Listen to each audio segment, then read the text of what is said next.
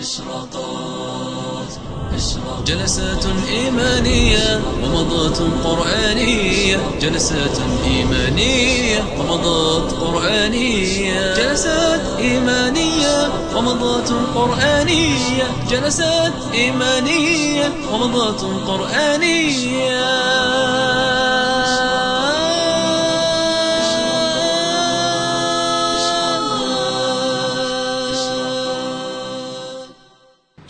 الرحمن الرحيم. إن الحمد لله نحمده ونستعينه ونستغفره ونتوب إليه ونعوذ بالله من شرور أنفسنا ومن سيئات أعمالنا. من يهده الله فلا مضل له ومن يضلل فلا هادي له وأشهد أن لا إله إلا الله وحده لا شريك له وأشهد أن محمدا عبده ورسوله. عندنا اليوم إن شاء الله تعالى تفسير القسم الأول من سورة والنازعات. وهذه السورة الكريمة اسمها سورة النازعات أو والنازعات بالواو أو بدون الواو وهكذا هي في معظم المصاحف وكتب التفسير وكتب الحديث النبوي وغيرها.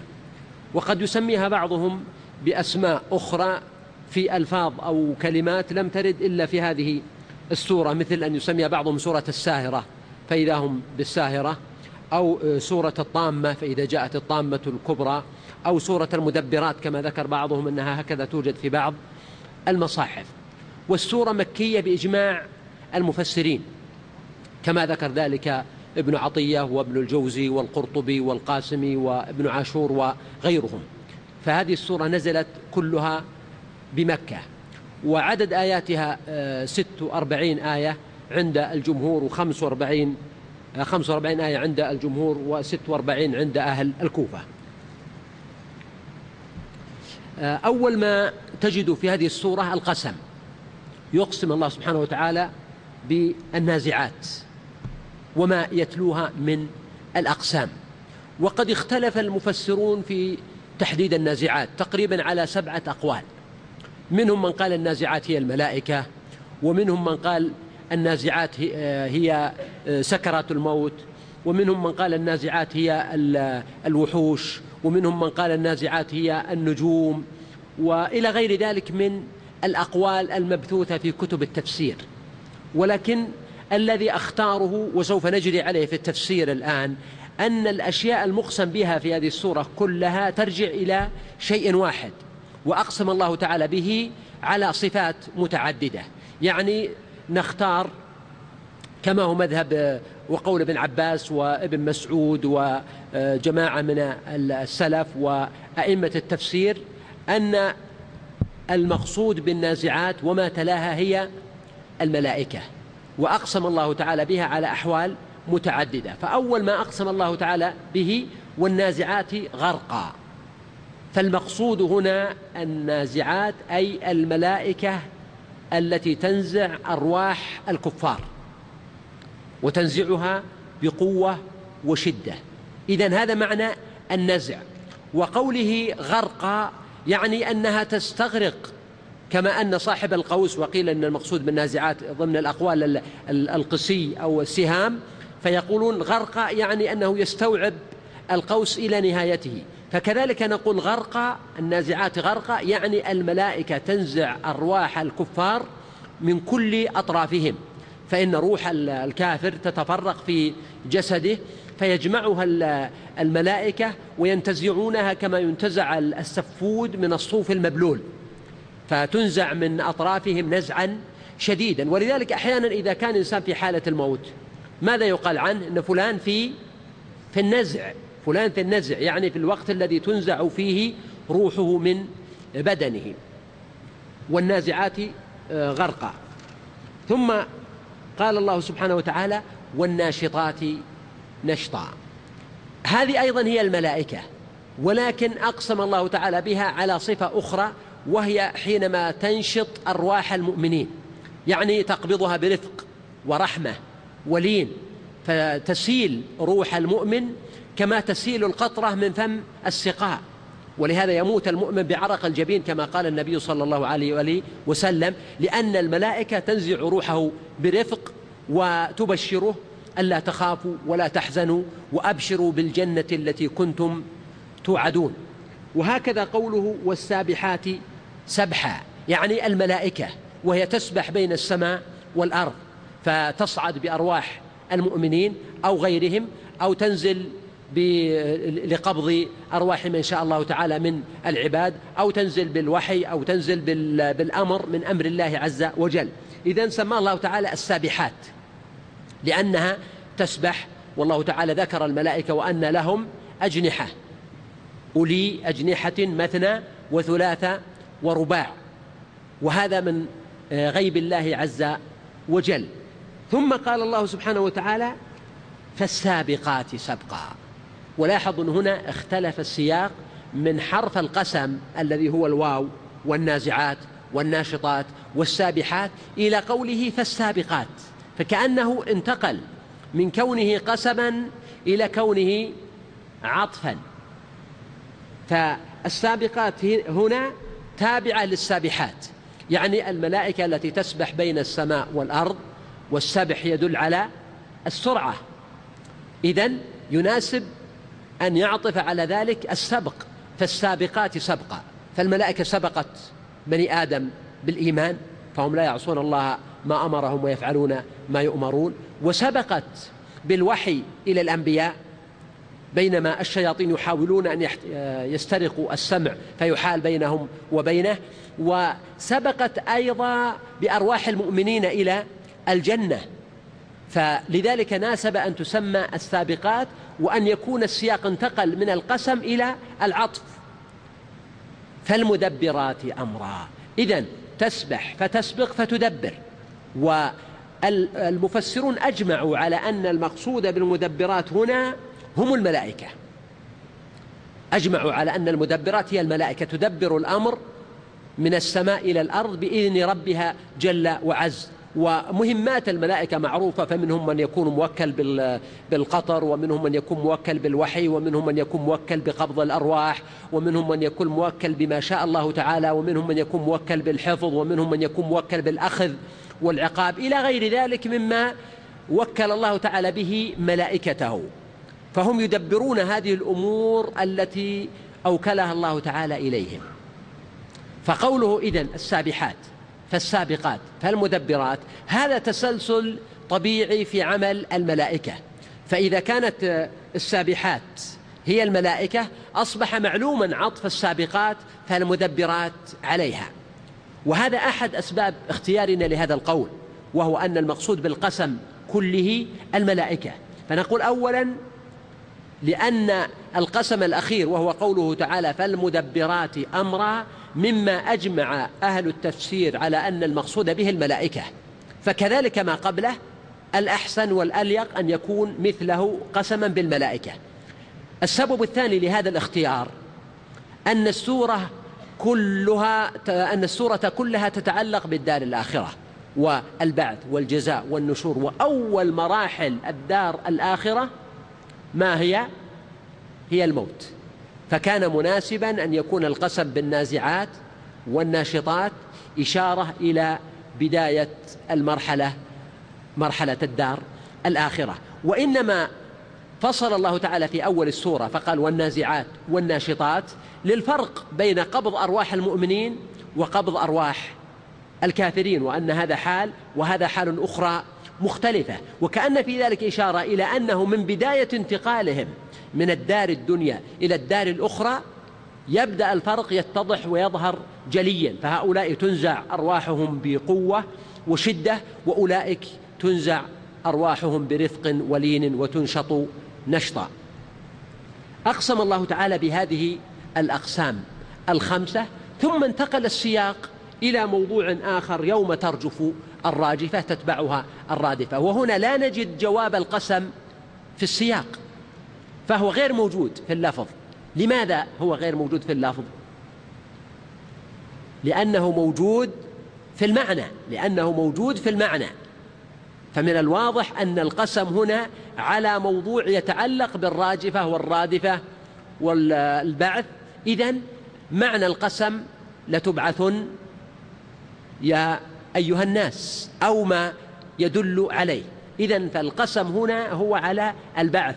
وأنه واقع لا محالة. وهذا القسم هو يعني فيه طرافة وقوة لأنه لما يقسم الله سبحانه وتعالى فهذا دليل على شيء عظيم.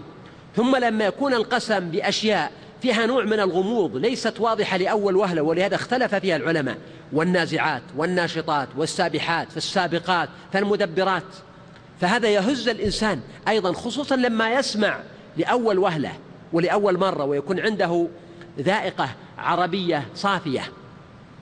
فهنا يلتفت الإنسان لهذا القسم ويصغي فيتفاجأ بأنه بعد القسم كأن الموضوع ترك وانتقل بالإضراب إلى موضوع آخر يوم ترجف الراجفة ولم يأتي الجواب. فهذا يجعل في قلب الإنسان نوعا من التطلع إلى البحث عن جواب القسم ويأتي الجواب أن المقسم به محذوف لأنه معروف. وتقديره هو القسم على البعث وعودة الأرواح إلى أجسادها. وهذا أيضا يدل على عظمة هذا الموضوع وهو موضوع البعث وأنه من أساسيات وأركان الإيمان والدين وهو الفارق بين الإيمان والكفر. فإن الإنسان إذا آمن بالبعث اعتدل الميزان عنده. وكما سوف يتضح من السورة مثلا في قصة كفار مكة أو في قصة الفراعنة أو في غيرهم. أن الإنسان إذا آمن بالبعث بدأ يعمل له وبدأ يسعى.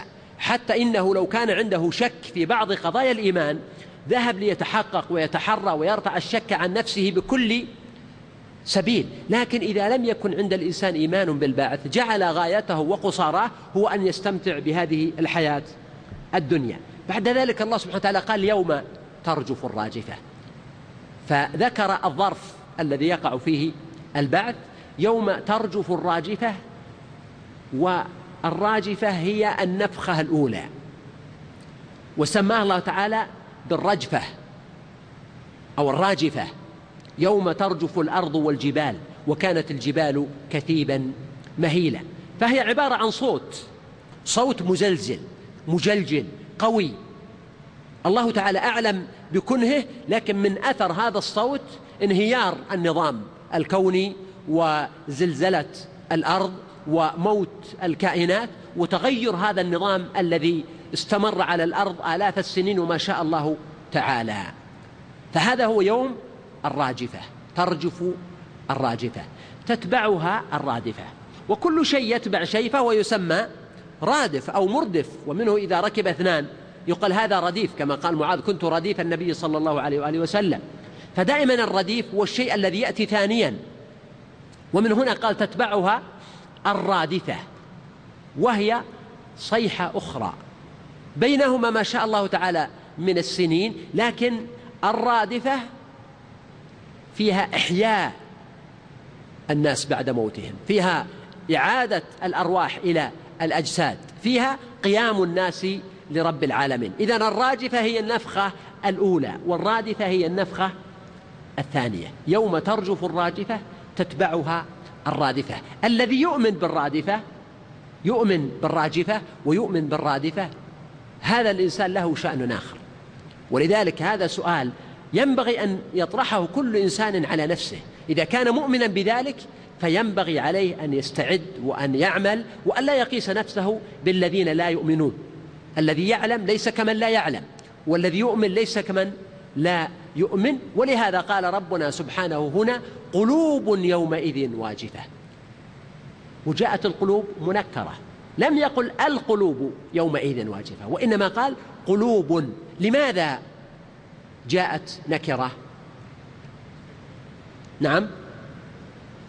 نقول جاءت نكرة أولا لأنه ليس كل الناس قلوبهم واجفة وإنما المقصود قلوب الكافرين. فجاءت منكرة إشارة إلى عدم الاستغراق ليست كل القلوب وإنما ثمة قلوب واجفة وهي قلوب من؟ قلوب الكافرين. ولكن التعبير بالجمع أيضا وفي الابتداء يدل على كثرة هذه القلوب وأنها ليست قليلة بل كثيرة جدا هذه القلوب الواجفة. قلوب يومئذ واجفة ونحن متى نقول عن القلب إنه واجف؟ ما معنى واجف؟ يعني أيوه يضرب بسرعة. يعني دقات القلب تتحرك بسرعة. هذا معنى واجفة. ومن هنا أن تقول قلب فلان يجف يعني له خفقان سريع. ووصف الله تعالى هذه القلوب بأنها واجفة. أصحابها ربما كانوا في الدنيا على غير ذلك. كان الناس يخافونهم. لكن هم الآن في مقام مختلف. قلوبهم واجفة وأنذرهم يوم الآزفة إذ القلوب لدى الحناجر كاظمين. فقلوبهم واجفة. ثم قال أبصارها خاشعة. ما قال أبصارهم؟ وإنما قال أبصارها. يعني أبصار إيش؟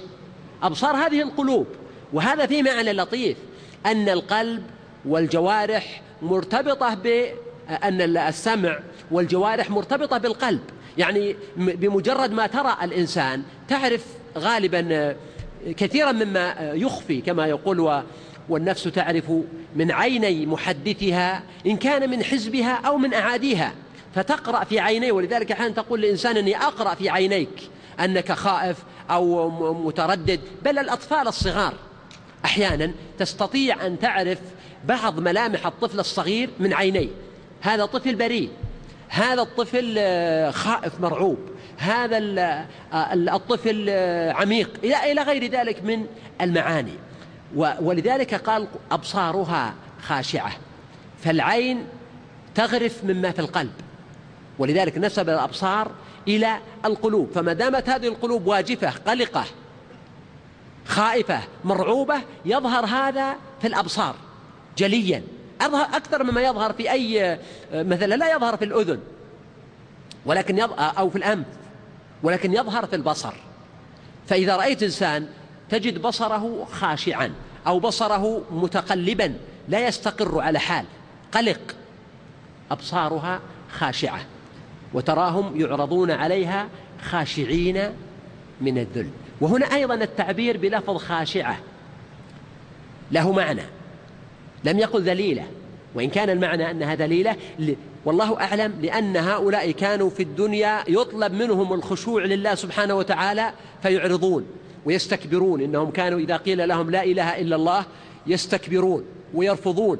وقد يكونون كما قلنا ممن كما سوف يأتي في المثال ممن لهم صولجان وسلطان وبأس وقوة تخشع منهم النفوس وتخشاهم الناس. فيوم القيامة صورهم الله تعالى بهذا المشهد المهين قلوبهم واجفة وأبصارهم خاشعة.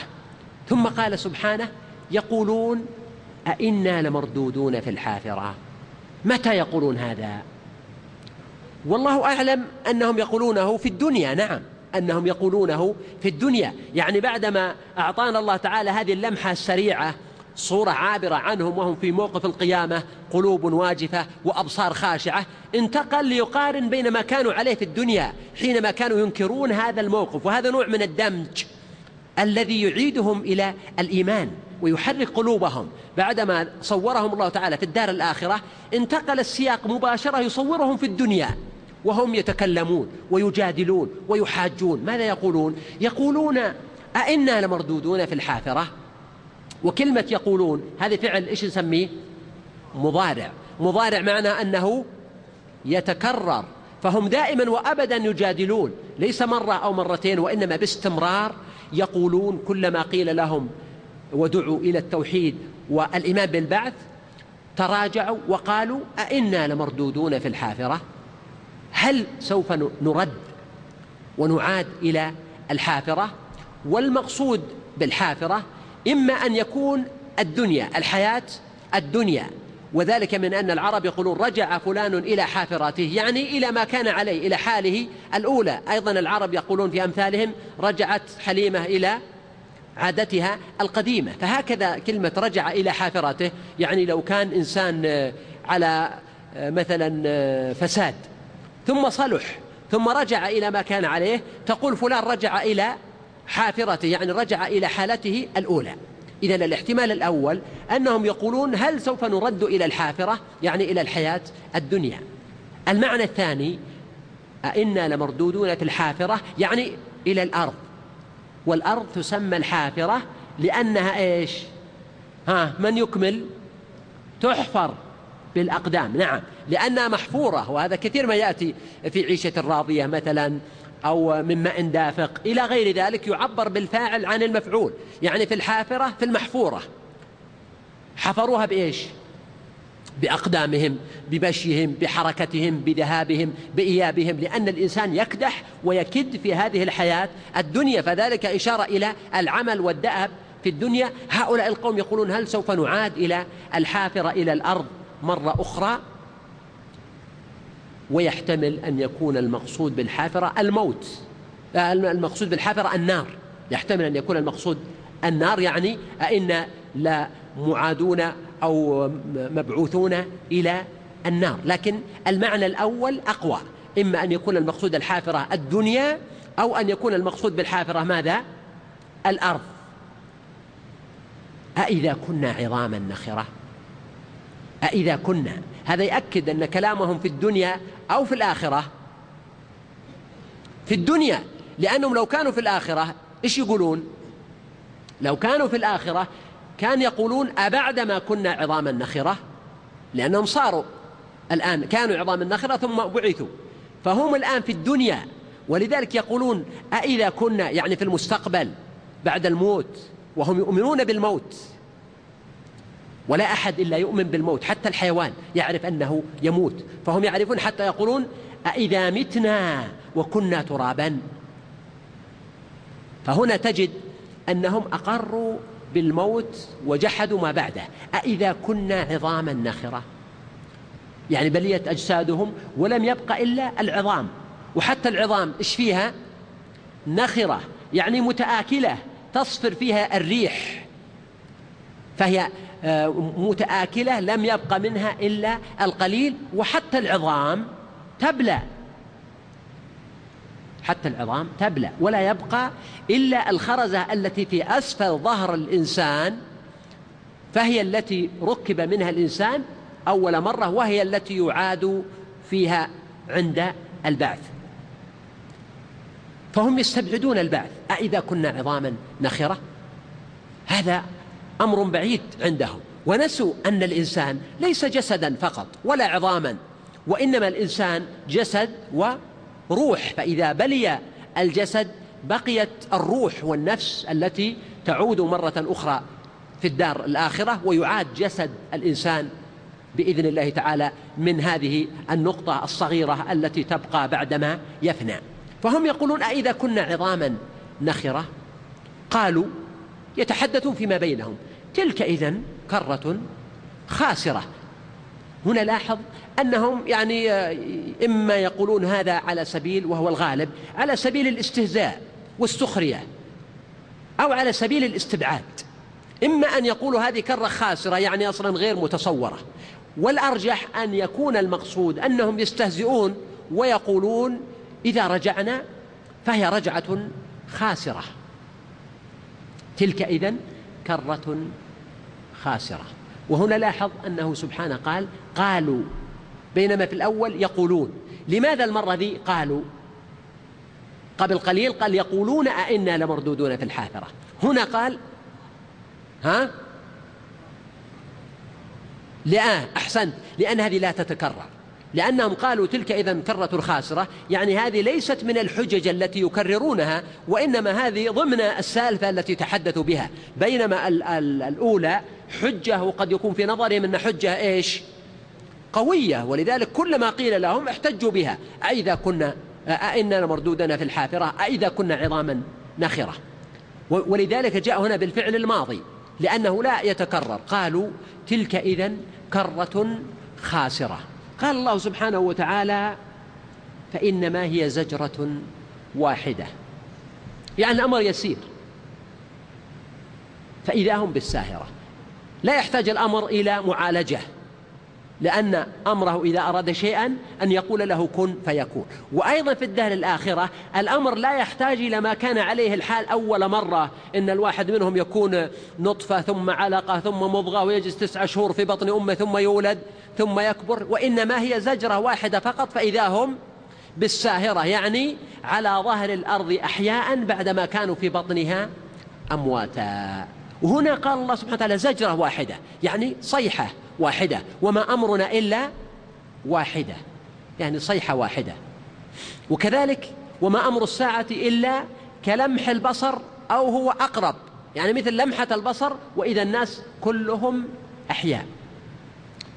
زجرة واحدة قال فإذا هم بالساهرة. الساهرة ما هي؟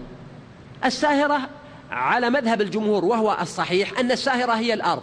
بعض المفسرين كما نقل عن وهب بن منبه يقول الساهرة مكان في بيت المقدس وتجد الآن في الأقصى منطقة يسمونها الساهرة موجودة الآن. هذه من آه، أخبار بني إسرائيل. وبعضهم يقول أرض الشام. والصواب أن المقصود بالساهرة الأرض. لكن هنا السؤال لماذا اختار الله تعالى هذا اللفظ فإذا هم بالساهرة؟ وهذا سر يعني اختيار الله تعالى لللفظ في هذا السياق له معنى. لم يقل فإذا هم آه، في الأرض مثلا. وإنما ولا في الحافرة. وإنما قال فإذا هم بالساهرة. يعني قبل قليل يقولون أئنا لمردودون في الحافرة. هذا له مناسبة لأنهم كانوا مدفونين فيها وقد حفر لهم فيها وهذا المكان حفرته أقدامهم حينما عاشوا فترة آه، قصيرة وسوف يمشون عليها زمانا طويلا. مع أنه الأرض التي يعادون إليها ليست هي نفس الأرض التي كانوا فيها أول مرة كما قال ربنا سبحانه يوم تبدل الأرض غير الأرض والسماوات. هنا قال فإذا هم بالساهرة. فيقول الله سبحانه وتعالى يشير أو يذكر الساهرة أولا لأن هذه الأرض أصبحت أرضا ممتدة. ليس فيها جبال ولا مرتفعات ولا منخفضات وإنما آه، ينسفها ربي نسفا فيذرها قاعا صفصفا لا ترى فيها عوجا ولا أمتا. يمشي فيها السراب. وهذا أحد معاني كلمة الساهرة أن السراب يمشي فيها يرى الناس الأرض كالسراب لامتدادها واتساعها. من معاني الساهرة أن الناس يسهرون عليها ويقيمون عليها. وهذا المعنى مناسب جدا لكلمة زجرة واحدة فإذا هم بالساهرة هم الآن ما ما عادوا مرة أخرى ليستمتعوا ويأكلوا ويشربوا ويناموا وإنما بعثوا بعثا آخر هل ينامون يوم القيامة؟ لا أين هم من النوم؟ وأين النوم منهم؟ طيب هل ينامون حتى في الجنة والنار؟ لا أهل الجنة لا ينامون. لماذا؟ لأن النوم أخو الموت كما قال الرسول صلى الله عليه وسلم. فهم في نعيم دائم والنوم يصرفهم عنه. والنوم نقص يلحق الإنسان في الدنيا ولكنه نقص فطري لا بد منه. وكذلك أهل النار يتمنون لحظة ينامون فيها أو ساعة. كما قالوا ادعوا ربكم يخفف عنا يوما من العذاب. لكن هيهات. إذا هم في موقف القيامة أيضا في سهر دائم لا ينامون. ولذلك اختار الله تعالى هذا الاسم للأرض فإذا هم بالساهرة التي هي ممتدة تستوعبهم جميعا وهم في سهر دائم عليها وكما وصف الله تعالى وذكر. إذا هذا المقطع الأول من السورة وفيه الإشارة إلى البعث بهذه الطريقة القوية في تقرير هذه المعاني ومخاطبة القلوب والنفوس والعواطف بها بشكل قوي يهز الوجدان. ولا شك أن المشركين بمكة وغيرهم كانوا يرفضون هذا ويكذبون. ولذلك انتقل السياق إلى موضوع آخر. هل أتاك حديث موسى؟ هذا خطاب للنبي صلى الله عليه وآله وسلم. وقد أتاه هذا الحديث مرارا حتى إن قصة موسى هي أكثر القصص التي وردت في القرآن حتى قال بعض المفسرين كاد القرآن أن يكون كله حديثا عن بني إسرائيل. لشدة الشبه بين آه، سيرة ودعوة موسى عليه السلام ودعوة سيدنا محمد صلى الله عليه وآله وسلم. وللمعركة التي علم الله أنها سوف تكون في الأخير بين الأمة المسلمة وبين آه، بقايا الصهاينة من اليهود وأتباعهم. هل أتاك؟ قد يكون معناها قد أتاك. وربما كان الأولى أن يكون هذا سؤال سؤالا للتقرير. وبكل حال فإن الاستفهام فيه تذكير بالقصة وقد سماه الله تعالى حديثا. إشارة إلى أنه خبر وقصة وأنه واقع حقيقي حديث موسى. واختار الله تعالى قصة موسى لأمرين. الأمر الأول تسلية للنبي صلى الله عليه وآله وسلم وهو يعيش الكفر والتكذيب والعدوان بمكة. ففيه إشارة إلى الاعتبار وأيضا فيه تعليم النبي صلى الله عليه وسلم بعض العبر والدروس من قصة موسى. وفيها تلويح وتلميح للمشركين بمكة أن يصيبهم مثل ما أصاب الذين من قبلهم. إذ ناداه ربه بالوادي المقدس طوى. فذكر الله تعالى اختصر قصة موسى ولم يذكر مقامه في بني إسرائيل في في آل فرعون وإنما ذكر الله تعالى ساعة النداء لأنه دائما عند الاختصار يذكر الإنسان الأمر المهم في السياق وهذا من أسرار التكرار. في القرآن أن القصة تكرر لكن في كل موضع يذكر منها ما يناسب السياق فهنا الله تعالى لم يذكر أول قصة موسى وإنما بدأ من وين؟ من أين؟ بدأ من وقت النداء إذ ناداه ربه والله تعالى نادى موسى بذاته سبحانه وسمع موسى صوت ربه جل وعز يا موسى إني أنا ربك إني أنا الله لا إله إلا أنا فاعبدني وأقم الصلاة لذكري. إن الساعة آتية أكاد أخفيها لتجزى كل نفس بما تسعى فلا يصدنك عنها من لا يؤمن بها واتبع هواه فتردى. وهذا شيء عظيم هائل أن تتصور إنسان من خلق الله من بني آدم بشر من لحم ودم كان قد تاه في الصحراء. ثم يجد النار فيذهب إليها حتى يظفر منها بقبس يهتدي به في الطريق هو وزوجته فيتفاجأ بأن الله تعالى يمنحه قبسا يهديه ويهدي به من شاء من عباده إلى خير الدنيا والآخرة. ويخاطبه ربه جل وعز مباشرة وهكذا أيضا فيما بعد ولما جاء موسى لميقاتنا و وكلمه ربه. ولهذا سمى الله تعالى قال تعالى وكلم الله موسى تكليما وكان موسى هو الكليم لأن الله تعالى كلمه وناداه وناجاه إذ ناداه ربه بالوادي المقدس طوى. طوى اسم الوادي على القول الراجح. وقيل معناه أن موسى طواه وقيل أنها كلمة يعني أمر يعني طأ وطأ هذا الوادي. وقيل أن طوى معناه يا رجل وكل هذه أقوال ضعيفة. والصواب أن طوى اسم للوادي. يعني هذا الوادي وادي مقدس والوادي عادة يطلق على ما كان بين الجبلين منطقة منخفضة بين جبلين هذا وادي. وسماه الله وصفه بأنه مقدس يعني مطهر. وهذه تعني والله أعلم الطهارة المعنوية لأن هذا الوادي اختاره الله عز وجل للنداء.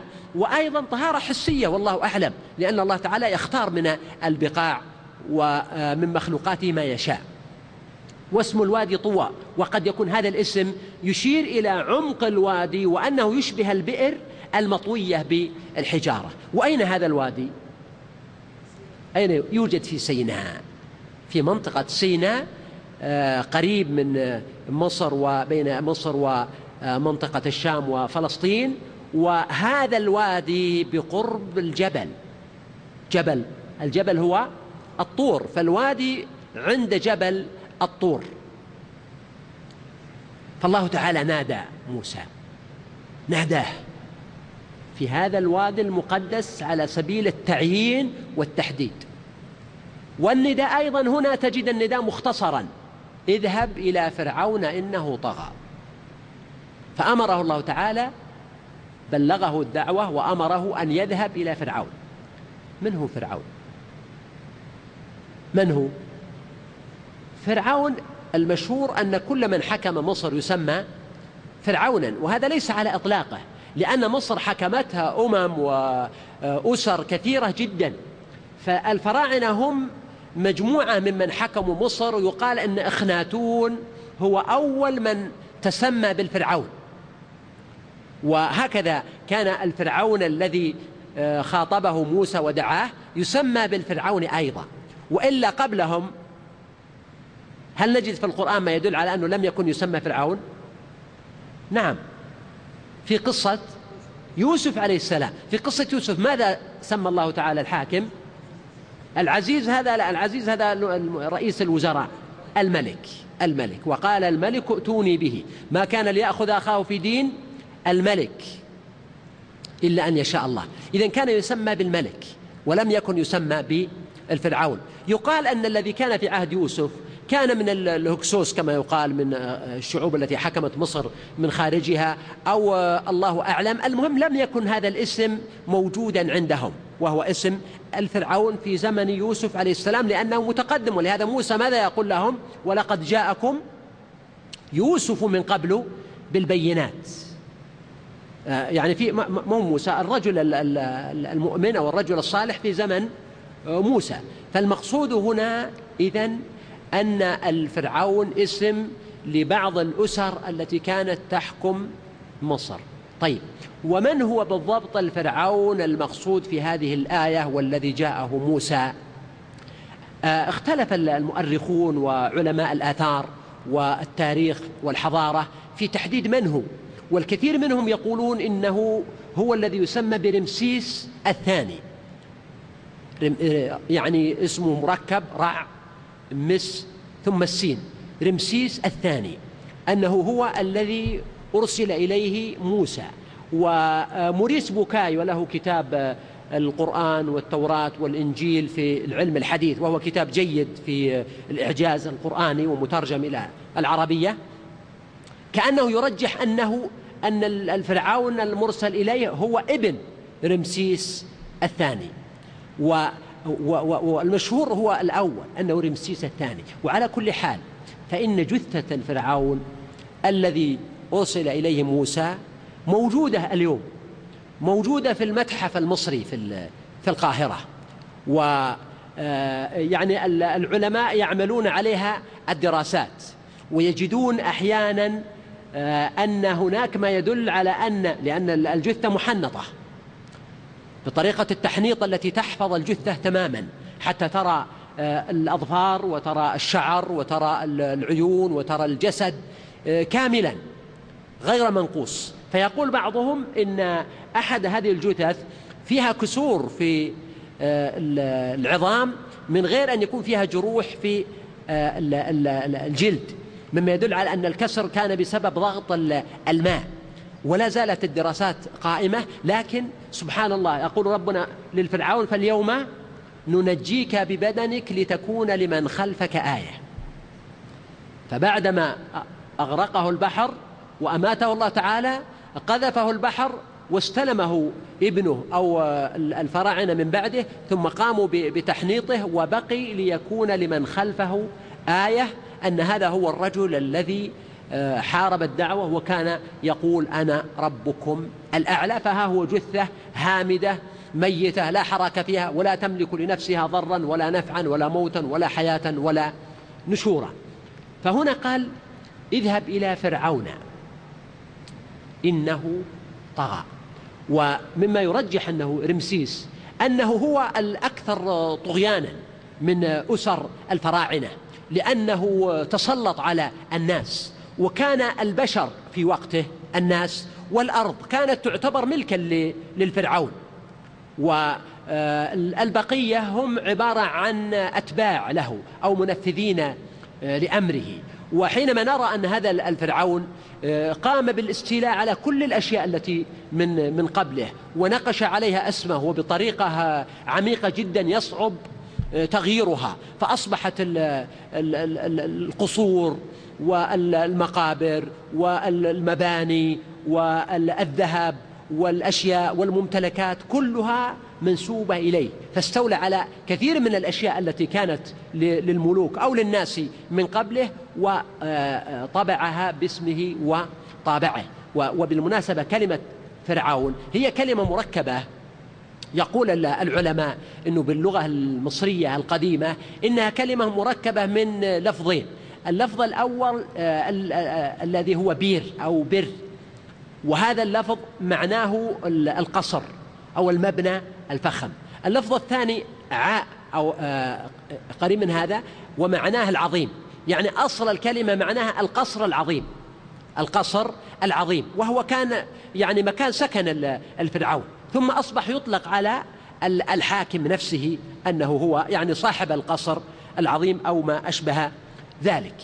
فالله تعالى أرسل موسى بالذات إلى فرعون هذا لأنه قد طغى وتجبر والذين يرون اليوم الآثار الفرعونية في مصر في الجيزة أو في الأقصر أو في غيرها يدركون فعلا مدى الحضارة الضخمة الهائلة التي وصل إليها الفراعنة وبالذات هذا الحاكم الذي هو رمسيس. وكيف كانت المدافن شيء مذهل. والمتاحف والتماثيل أيضا التي تدل على الاستعباد لأنه من الذي يقوم بحفر المقابر مثلا في في الجبال؟ من الذي يقوم بنقل الصخور الهائلة؟ من الذي يقوم بنحت التماثيل؟ من الذي يقوم بالدراسات الضخمة الهندسية من أجل وضع المقابر بصيغة معينة؟ من هم؟ هم الناس. من بني إسرائيل وغيرهم وهذا جزء من استعباده لبني إسرائيل. ولذلك كان من دعوة موسى له أن أرسل معنا بني إسرائيل ولا تعذبهم. يعني ضمن الدعوة أول شيء دعاه إلى الله سبحانه وتعالى وإلى الإسلام. فلما رفض عرض عليه موسى طيب خلي بيني وبين بني إسرائيل. أرسل معنا بني إسرائيل اتركهم دعهم. خفف عنهم الصخرة والخدمة والاستعباد والإذلال الذي كان يمارسه آه، ضدهم. فالذين كانوا يقومون بهذه الأشياء هم المستضعفون من آه، الشعب الذي يوظف لمثل هذه الأعمال ويسخر له صخرة. ولو رأيت عدد الناس الذين استخدموا في مثل هذا لوجدت أنهم ملايين البشر على مدى سنين طويلة. وهذا أمر تجده في الحضارات كلها. من نظر مثلا إلى حضارة الرومان وآثارها في بلاد العرب أو في غيرها تجد مثلا القلاع الضخمة الهائلة وتجد الصخور التي قد تكون الصخرة آه، يعني لا يستطيع الخلق الكثير أن يحركوها لأنها بمئات أو آلاف الأطنان. حركها ودفعها من مكانها إلى مستقرها. هؤلاء الناس الذين يسخرهم الطغاة ويوظفونهم والأعمدة الطويلة التي تكون بعشرات الأمتار في الهواء والفضاء وكلها لتكون هياكل للكهنة أو للأوثان أو للخمر شرب الخمر أو لمراقص للملوك وغيرهم فاستخدموا الناس ووظفوهم. خلى الأسئلة عند عندكم حتى ننتهي. عطى أحد الشباب. فهذا مما وقع لفرعون كما ذكر الله عز وجل وقال اذهب إلى فرعون إنه طغى. فوصمه الله تعالى بالطغيان والطغيان هو مجاوزة الحد. الطغيان مجاوزة الحد بأمرين الأمر الأول بعصيان الله عز وجل لأنه لا شك أن الطغيان هنا معناه تمرد على الله تعالى وكفر به و و ويكفي من كفره أن يدعي الألوهية كما سوف نذكر. والأمر الثاني في الطغيان هو ماذا؟ استعباد الناس. إذا الطغيان مشكلة دينية ومشكلة إنسانية. يعني تمرد على الله وآذى عباد الله. وبالمقابل نقول الدين جاء لطاعة الله و للإحسان إلى عباد الله. لطاعة الله وعبادته والإحسان إلى عباد الله. ولا تكاد تجد حديثا عن الدعوة وما بعث به الرسل إلا وتجد فيها الأمر بطاعة الله والأمر بالإحسان إلى عباد الله تعالى. قال اذهب إلى فرعون إنه طغى. ومع أنه طغى علمه الله تعالى الأدب في الدعوة فقل هل لك؟ شف عرض عرض. هل لك؟ ودائما هذه كلمة هل لك ما تقال إلا على سبيل التودد واللطف يعني حتى لو كنت تريد أن تضيف إنسان بدلا من ما تقول له تفضل وهذه كلمة فيها أمر تقول هل هل يمكن أن تتفضل؟ هل يمكن أن تشرفنا الليلة؟ هل لك في كذا؟ هل لك في طعام؟ هل لك في شراب؟ هل لك في سكن؟ ففيها عرض هادي هل لك إلى أن تزكى تزكى أمر يخصك أنت في الزكاة والله تعالى قال لموسى وهارون فقولا له قولا لينا لعله يتذكر أو يخشى. ولكن في هذه الآية بالذات ذكر الله تعالى أنه رتب لموسى هذا القول اللين. ما هو؟ فمن القول اللين أن يقول له هل لك إلى أن تزكى؟ يعني تتزكى تكون زكيا زاكيا طاهرا. فعرض على الأمر الأول الذي هو في مصلحته هو أن يتزكى ويكون فيه زكاة وطهارة في قلبه بالمعاني الفاضلة وفي عقله وفي ضميره ووجدانه وحياته والأمر الثاني قال وأهديك إلى ربك ولم يسمي اسم الله تعالى هنا وإنما قال إلى ربك يعني إلى خالقك وإلى موجدك لأن الفطرة تؤمن بالله الخالق الموجد المبدع سبحانه وتدرج معه لأن الفراعنة كانوا يعتقدون أنفسهم ماذا؟ من نسل الآلهة. كانوا يعتقدون أنفسهم من نسل الآلهة. وهكذا آه، هذا الفرعون كان يعتقد أنه يعني والعياذ بالله ابن للإله. ولهذا موسى عليه الصلاة والسلام خاطبه بهذا الخطاب وأهديك إلى ربك. ربك الحق الذي خلقك ورزقك وسواك وعدلك وأهديك إلى ربك فتخشى. ولهذا دائما العلم الحقيقي ثمرته ماذا؟ الخشية. ولا خير في علم لا يورث الخشية. والإنسان قد يكون عنده معلومات. يعني آه، آه، الفراعنة أو غيره قد يكون عنده معلومات لكن هذا العلم علم القلب المعرفة المجردة ليست ليست عمل. وإنما هي أشياء نظرية. وإنما عمل القلب هو الإيمان والخشية. فرق بين علم القلب وعمل القلب. والله تعالى يقول عن الفراعنة قال وجحدوا بها و واستيقنتها أنفسهم ظلما وعلوا. فذكر الله تعالى أن في نفوسهم معرفة وإقرار في الداخل لها لكن هذه المعرفة لم تتحول إلى هداية وإلى خشية لأنها لم تكن إيمانا. وقد تجد إنسان عنده معلومات كثيرة جدا لكنه غير مؤمن. قال وأهديك إلى ربك فتخشى. إذا نرجع مثل ما قلنا في سورة عبسة آه، يزكى أو يذكر فتنفعه الذكرى. فذكر هنا التزكية. لفرعون هل لك إلى أن تزكى؟ وذكر ثانية أهديك إلى ربك فتخشى يعني تتجنب المعاصي والكبر والطغيان والغطرسة والظلم والعدوان. للناس لماذا؟ لأنك تخشى الله. إذا معرفة الله تورث الخشية وتورث زكاة النفس تورث فعل الطاعة وترك المعصية. طوى الله تعالى كثيرا من القصة قال فأراه الآية الكبرى. يعني العصا أو اليد التي فيها عبرة وآية وكان عندهم سحر عظيم ومع ذلك السحرة ألقوا ساجدين وانقطعوا وعجزوا والفرعون أصر على كفره. فكذب وعصى. وهذا دليل على سرعة التكذيب يعني ما تأمل ولا انتظر ولا راجع المسألة وإنما حسم فيها من البداية لأنه طاغي والطغيان دائما يفضي بصاحبه إلى نبذ الحق ورده ورفضه ولهذا الله تعالى قال فأراه الآية الكبرى يعني موسى فكذب. طبعا الحديث فيه اختصار يعني المعنى أنه فذهب موسى إلى فرعون وقال ما أمره الله تعالى بذلك فكذب فرعون وعصى فكذب وعصى. تكذيب واضح. كذب بلسانه وقال لموسى أنك ساحر وكذلك أخوك تريدون آه، يعني زعزعة الملك وإزالة المجد الفرعوني وغير ذلك مما هو يريدان أن يخرجاكم من أرضكم بسحرهما ويذهبا بطريقتكم المثلى وعصى. طبيعي من كذب فهو يعصي لكن المقصود أنه كذب دعوة موسى عليه الصلاة والسلام وأعلن عصيانه وتمرده عليها ولهذا عقب بقوله ثم أدبر. يسعى. يعني أعرض وترك موسى وهجر دعوته ومع ذلك يسعى يعني مجتهدا. ما هو بالضرورة أنه يمشي على قدمه لكن مجتهدا في التخطيط والكيد للقضاء على هذه الدعوة التي تهدد سلطانه وملكه. ولهذا قال الله تعالى فحشر فنادى. يعني حشر السحرة وأرسل في المدائن حاشرين. السحرة من كل أنحاء القطر يأتون اجتمعوا في اجتماع عام وجمع الشعب أيضا. في خطبة جماهيرية للفرعون. ولهذا قال فحشر فنادى ناداهم وصاح فيهم أنا ربكم الأعلى شوف هذا الإنسان يعني كم طوله متر ونص تقريبا وعرضه أيضا بضع سنتيمترات وتراه اليوم في المتحف وتراه في الصور صور موجودة في الإنترنت. يعني إنسان بسيط.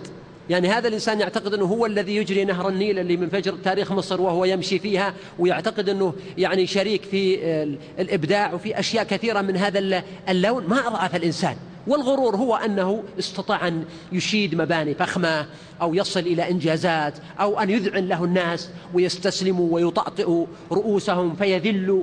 كما قال ربنا فاستخف قومه فأطاعوه. إنهم كانوا قوما فاسقين فقال أنا ربكم الأعلى. وهنا ذكر بعض المفسرين أن أن هذا القول أنا ربكم الأعلى يعني أنه يقول أنا سيدكم أنا حاكمكم أنا ال ال الذي تجب عليكم طاعتي. وأشار الرازي إلى شيء من هذا المعنى. والأرجح والله أعلم عندي أن قوله أنا ربكم الأعلى أنه على حقيقته لا يعني بالضرورة أنه هو مبدع الكون وخالقه لكن يعتقد أن له نسبا إلى الآلهة وهكذا الجماعات والأمم الوثنية كما نجد في اليونان والرومان وغيرهم. عندهم مثل هذه المعتقدات أن يقع لهم ولهذا وقع التحريف في دين عيسى لما اعتنقه آه، قسطنطين وغيره. فيقع لهم مثل هذه المعتقدات بالخلط بين الألوهية وبين البشرية فيعتقدون أن في بعض البشر شيئا من خصائص الألوهية.